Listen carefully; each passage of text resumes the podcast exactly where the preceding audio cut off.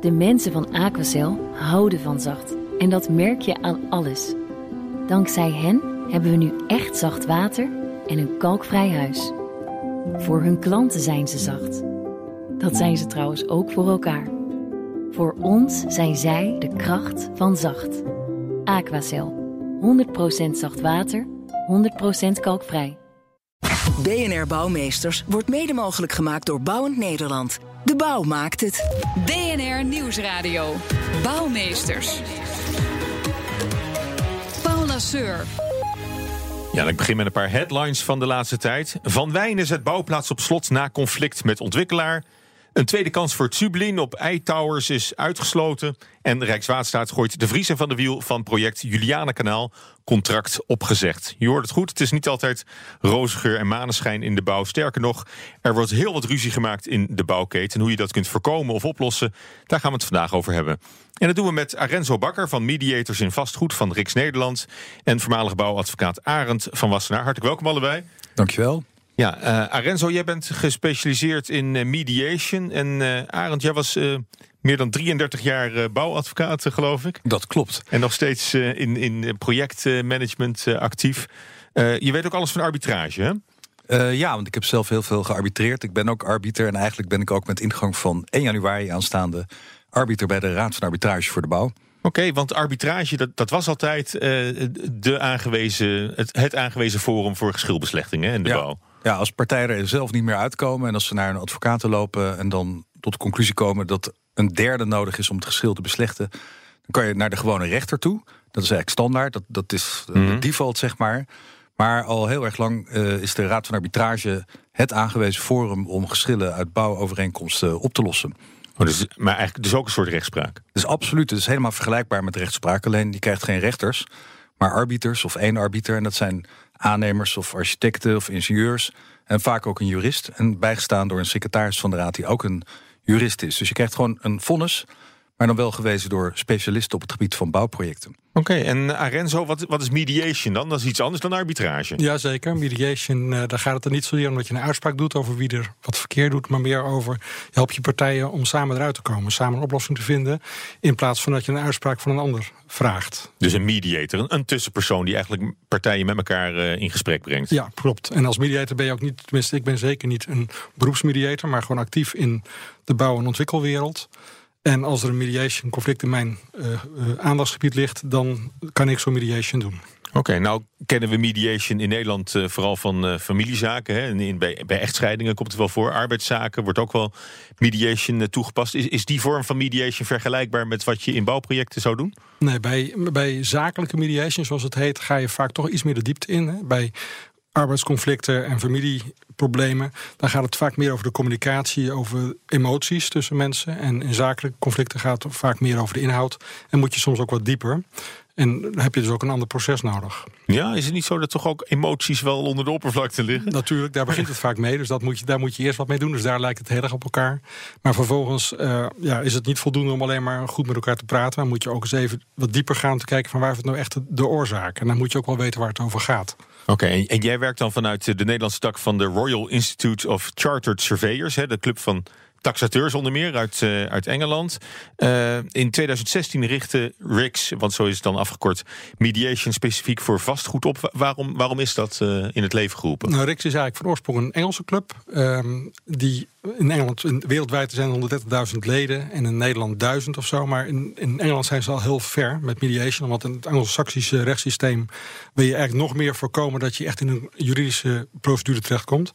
En een paar leden van de RIX die hebben, um, die hebben dat eigenlijk naar Nederland gehaald. En we zijn dat eigenlijk gaan toepassen voor de Nederlandse situatie. Ja, en hoeveel zaken per jaar uh, gaat het nu om? Het is nou groeiend. Hè. Nu zijn het er een aantal per jaar. Zijn, wij doen wat grotere klussen. Dus um, je hebt in Engeland bijvoorbeeld ook heel veel dis, uh, disputen tussen uh, huurders van een woning en een huisbaas. En dat, daar richten wij ons niet zozeer op. En dan ga je veel meer naar grote volumes toe.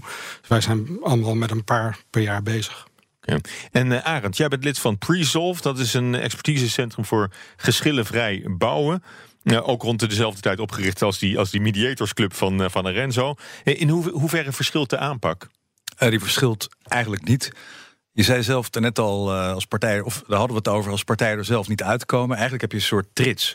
begint er natuurlijk mee dat je moet voorkomen dat je een geschil krijgt dat je zelf niet kunt oplossen. Ik zeg zelf niet kunt oplossen, omdat er zijn altijd geschillen. Er zijn altijd verschillen van inzicht, maar daar moet je gewoon uit kunnen komen. Dus hoe doe je dat? Dat is één. Twee is, als je dat in één keer hebt, hoe kun je dat dan oplossen voordat het ooit nog uh, beslecht moet worden door zo'n raad van arbitrage? En oplossen is mediation een ongelooflijk goede methode voor. Ik ben zelf overigens ook mediator. Dus ik, ik weet hoe het voelt, om het zo maar te zeggen. En uh, probeert met name die eerste twee, voorkomen en oplossen, daar kennis op te bieden. Welke technieken zijn er allemaal? Wat kun je allemaal doen? Het is een gezelschap dat bestaat uit nou, advocaat, voormalig advocaat, maar vooral ook mensen uit de bouw zelf, projectmanagers, projectleiders, directeuren, aannemers en dat soort zaken. We werken samen met de Raad van Arbitrage, want die doen het beslechte deel. Die hebben ook uh, op onze voorspraak bedacht dat ze een hele mm. snelle procedure moesten bedenken. Want daar was groot, veel behoefte aan dat het project gewoon door kan gaan, zodat er snel een oplossing kan komen. Dat ja, want als, ook als projecten stil komen te liggen door een conflict, dat, uh, dat, Verschrikkelijk dat, dan vliegt het de deur uit het geld. Hè? Dat is, ja, dat is ongelooflijk. Dan, dan, lekt dat enorm. Het klinkt ook een beetje als een, als een goudmijn voor, voor adviseurs bijna. Dat er zoveel ruzie wordt gemaakt in de bouw. Als ik dat zeg, uh, Renzo, wat, wat zeg jij dan? Nou, dat merk ik nog niet echt. Maar um, nee, ik denk wel dat het, voor, dat het vooral maatschappelijk heel relevant is. Hè? Hmm. We hebben een enorme ruimtelijke opgave in Nederland. Er moeten veel woningen komen. Uh, er staan, de ruimte staat onder druk en het wordt steeds complexer om in Nederland te bouwen en te ontwikkelen. En op het moment dat je echt in een conflict situatie komt, dan vertraagt alles en daar heeft niemand baat bij. Dus niet de ontwikkelaar, maar ook niet de overheden die erbij betrokken zijn. En ik denk dat daar echt met name de, de, zeg maar de uitdaging ligt om dat vlot te trekken. En dan is inderdaad een trend om eerder te proberen te voorkomen dan juist te gaan mhm. oplossen. Dat zie je bijvoorbeeld in, uh, in Londen is er een heel mooi uh, initiatief bij alle werkzaamheden aan de metro, zeg maar, dat daar uh, partijen afspreken om van tevoren in mediation te gaan in plaats van achteraf bij een conflict. En dat werkt heel goed. Oké, dus dan, oh, dan ben je het conflict eigenlijk al voor, uh, dus eigenlijk. Uh, wat, wat ook een trend is, is natuurlijk de alternatieve uh, geschilbeslechting. Hè? Alternative Dispute Resolution in het Engels, ADR. In het Nederlands zeg je dan anders dan rechtspraak. Dat is ook, ja, alles lijkt wel om, om niet naar de rechter te hoeven uiteindelijk. Ja, en, maar ADR, dat is een soort paraplu-begrip voor al die dingen waar we het eigenlijk net over hebben. Dus alles wat niet bij de rechter terechtkomt, noemt men ADR. Dus zelfs dus arbitrage. arbitrage, mediation. Ja, uh, dispute boards, uh, raden van beoordelaars. Uh, probiteitsfunctionarissen bij aanbestedingen, noem maar op. Er is een hele waslijst hm. van technieken en dat is allemaal ADR. Ja, en heb je het ook over ADR als je zeg maar vooraf al probeert een geschilbeslechting uh, of geschillen te voorkomen en geschilbeslechting af te spreken van waar je, wat, je, wat je wil doen in geval van een conflict? Nou, als je het helemaal letterlijk neemt, is anders dan rechtspraak. Rechtspraak veronderstelt dat je al een geschil hebt. Dus voorkomen, dat is uh, zo'n voorportaal van ADR, zou ik dat willen noemen. Ja, ik zie, je ziet wel dat, um, dat er nou allerlei mengvormen ontstaan. Hè? Dat, dat er uh, dat mediation gecombineerd wordt met uitspraken. Dat je van tevoren probeert uh, conflicten op, conflictcoach erop te zetten. Dat zijn allemaal dezelfde skills, dezelfde mm type mensen die je daarvoor nodig hebt. En ja, je zit op een ander stukje van het proces. Ja, Oké. Ik, heb ook, ik heb ook een quote van, uh, van de Raad van Arbitrage voor de Bouw. Die, die geschillen behandelt in de bouwsector. Directeur Bas van Luik. Die vertelt ons wanneer iemand naar de raad stapt. Ze komen naar ons toe als ze een geschil hebben waarbij uh, ze in het contract met de andere partij hebben afgesproken dat ze naar de Raad van Arbitrage toe kunnen. Dat is een voorwaarde om naar ons toe te gaan. Je kunt dus niet naar ons toe gaan eenzijdig zoals bij de gewone rechter, maar je moet het speciaal hebben afgesproken in het contract. Of in de algemene voorwaarden die daarbij staan. Dat doe je dan niet omdat je denkt dat er een geschil aankomt. Maar je denkt als we een geschil krijgen is het handiger om dat te laten beslissen door mensen die uh, ook verstand hebben van de techniek van de bouw. En de manier van werken zoals het gaat in de bouw. Want dat is lastig voor de gewone rechter. Ja, en hij legt ook uit wat, wat de oorzaken van de meeste bouwgeschillen zijn waar de Raad over oordeelt. Het belangrijkste onderwerp zijn eigenlijk wel gebreken in het bouwwerk. Die zien we heel veel. Maar er zijn ook heel veel verschillen die gaan over afspraken die niet nagekomen zouden zijn.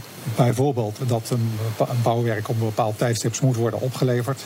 En wat lukt de bouwer dan niet? Uh, wat ook veel voorkomt zijn eh, discussies over meer en minder werk. Met name de prijs daarvan ja, gebreken, vertraging, meer en minder werk. Dat, dat zijn eigenlijk uh, de belangrijkste geschilpunten. We hebben ook cijfers uh, opgevraagd over het aantal bouwgeschillen. Sinds uh, eh, 2012 kun je de gevolgen van de crisis zien. Hè. Als er minder gebouwd wordt, zijn er ook minder geschillen. Logisch dus dat nu de bouw aantrekt er ook meer geschillen zijn. Maar die schommelingen die zijn relatief. Maar directeur Van Luik van de Raad voor Arbitrage... die verwacht voor het komende jaar een toename van het aantal geschillen. En hij legt uit hoe dat zit. Toename die we hebben gezien, uh, die in de cijfers zichtbaar is vanaf 2008. Die komt uh, omdat wij op een gegeven moment de geschillen hebben overgenomen van een ander arbitrageinstituut, het Garantieinstituut Woningbouw. En dat is gebeurd in de jaren 2009, 2010. Dan zie je een hele grote stijging met een paar honderd geschillen. En vervolgens is het aantal nieuwe geschillen bij de Raad weer afgenomen. En dat is een gevolg van de crisis in de bouw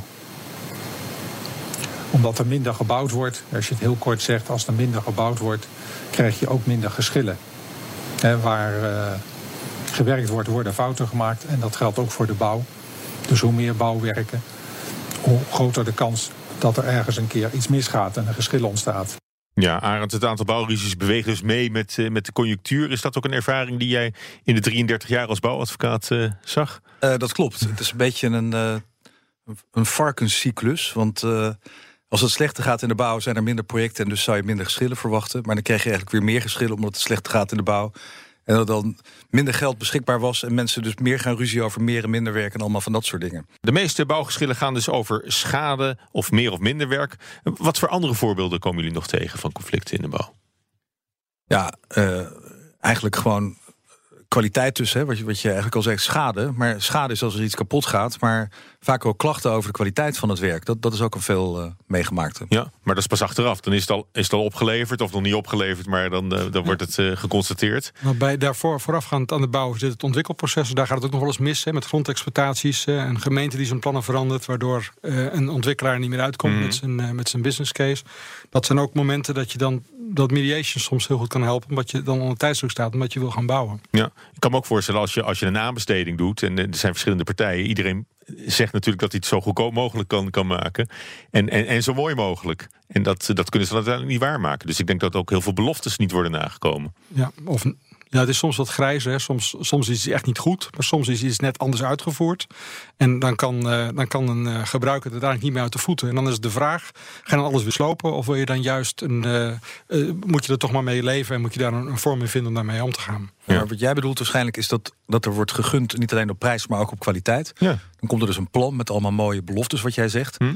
En het dan blijkt achteraf dat al die beloftes, die bijvoorbeeld bestaan uit een extra brug of een extra bordes of een ander proces, of dat soort dingen er plotseling niet in zitten. En dan zegt zo'n aannemer: huh, ja, maar het ging toch om de puntjes. Ja. In plaats, vergeet dan even dat hij het ook gewoon moet uitvoeren zo. Ja, nee, maar ook er zijn zoveel hele bekende projecten die, die, die, niet, die niet twee keer zo duur worden, maar soms vier, vijf, zes keer zo duur. En, en de, de bouw duurt dan drie keer zo lang. Dat, dat zijn natuurlijk ook dramatische. Ja, uh, algemeen kun je daarvan zeggen dat het gewoon ligt aan een gebrekkige voorbereiding aan beide kanten van de streep. Ja, en soms zijn er ook externe factoren. Omwonenden die opeens aanvullende eisen stellen. Die, dus die zijn niet goed betrokken in het voorproces. En die gaan dan bezwaar maken. En dan kan dat ook een reden zijn waarom het vertraagt. En dat is ook belangrijk om snel op te lossen. Ja. En je hebt ook vaak gevolgschade natuurlijk. Hè, dat andere partijen die op zich niet bij de bouw betrokken zijn. Uh, die, die, daar dan wel weer, uh, weer last van krijgen. Hè, bijvoorbeeld uh, bewoners van, van, van huizen die alvast de keukenboer hebben besteld en die, en die weer moeten afbellen. Ja, precies. um, nou ja, als het gaat, gaat, echt over schade, wordt er ook heel veel onder verzekeringen gedekt trouwens. Mm. Uh, bij, bij projecten, zogenaamde CAR-verzekering, Construction All Risk. Ja, ja, ja. Ja, en uh, Arenzo, in, in het Verenigd Koninkrijk is mediation al veel langer een gangbare methode om conflicten op te lossen. Uh, hoe, hoe, komt het dat, dat ze daar wel zo uh, daarin zitten al? Ja, dat heeft met het rechtssysteem daar te maken. Het is daar relatief duurder dan in Nederland om, om naar de rechter te gaan. Dus daar wil je dat nog meer voorkomen dan dat je dat hier wil. Hier heb je ook andere redenen zoals tijd, tijdsgebrek en zo. Of relatie kan ook een goede reden mm. zijn.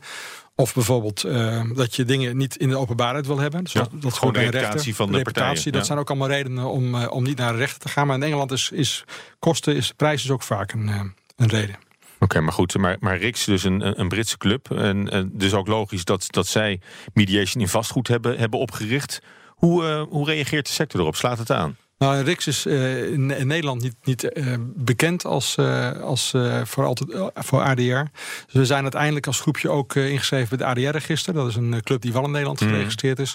Zodat we ook op de Nederlandse markt zichtbaar zijn. En dat is een, een, een, een, organisatie die ook heel erg zoekende is naar allerlei nieuwe vormen van mediation en alternative dispute resolution. Ja. Dus, en zijn er, zijn er cijfers over hoe succesvol is mediation als geschilbeslechtingsmethode? in, in, in, de UK is het 80 procent waarbij ze tot oplossingen komen. Dat is best fors. Ja, in Nederland, goed, Nederland is het eigenlijk nog niet zo bekend in de zakelijke omgeving. Maar daar ga je toch ook al meer dan, naar meer dan 50 procent, als ik het goed gelezen heb. Maar meer dan 50 procent. Is, is het dan beter dan. Uh, ik bedoel, de rechter die, die besluit bindend uiteindelijk. Ja.